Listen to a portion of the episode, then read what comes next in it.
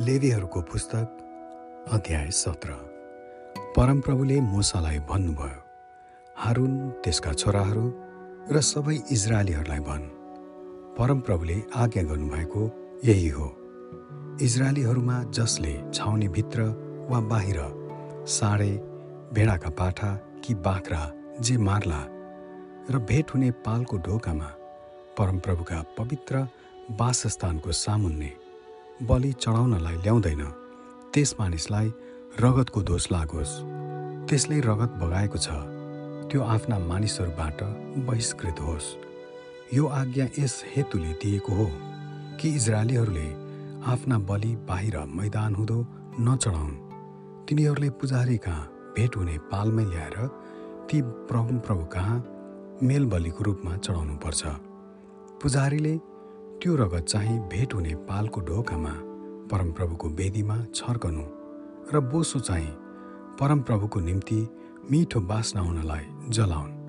तिनीहरूले अब बाख्रा रूपी मूर्तिहरूलाई पुजेर आफ्ना बलिदानले आफैलाई बेस्या नतुलाउन्।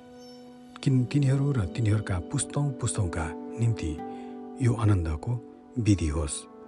तैँले तिनीहरूलाई भन् इजरायलीहरू अथवा तिनीहरूसँग बास गर्ने परदेशीहरूले होम बलि वा बलिदान चढाउँदा जसले त्यो परमप्रभुको निम्ति चढाउन भेट हुने पालको ढोकामा ल्याउँदैन त्यो मानिस आफ्ना मानिसहरूबाट बहिष्कार गरियोस्।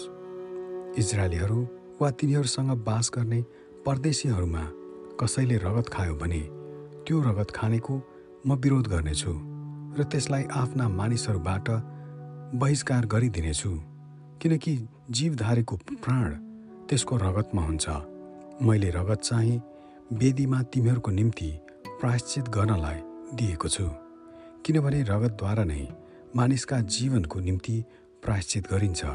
यसकारण तिमीहरू अथवा तिमीहरूसँग बास गर्ने परदेशीहरूमा कसैले पनि रगत नखानु भनी मैले इजरायलीहरूलाई भनेको छु।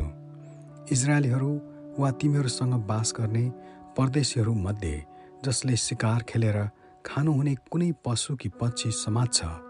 त्यसले त्यसको सबै रगत मिथोरेर माटोले ढाकिदियोस्।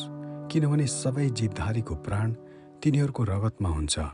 यसै कारण मैले इजरायलीहरूलाई भनेको छु कुनै जीवधारीको रगत तिमीहरूले नखानु किनभने सबै जीवधारीको प्राण तिनीहरूको रगतमा हुन्छ। त्यो खाने जोसुकै पनि बहिष्कार गरिनेछ।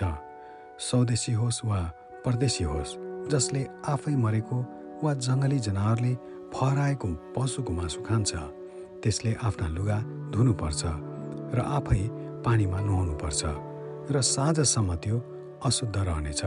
त्यसपछि त्यो शुद्ध हुनेछ तर त्यसले लुगा धोएन र आफै पनि नुहाएन भने त्यसको लागि त्यो आफै उत्तरदायी हुनेछ। आमेन।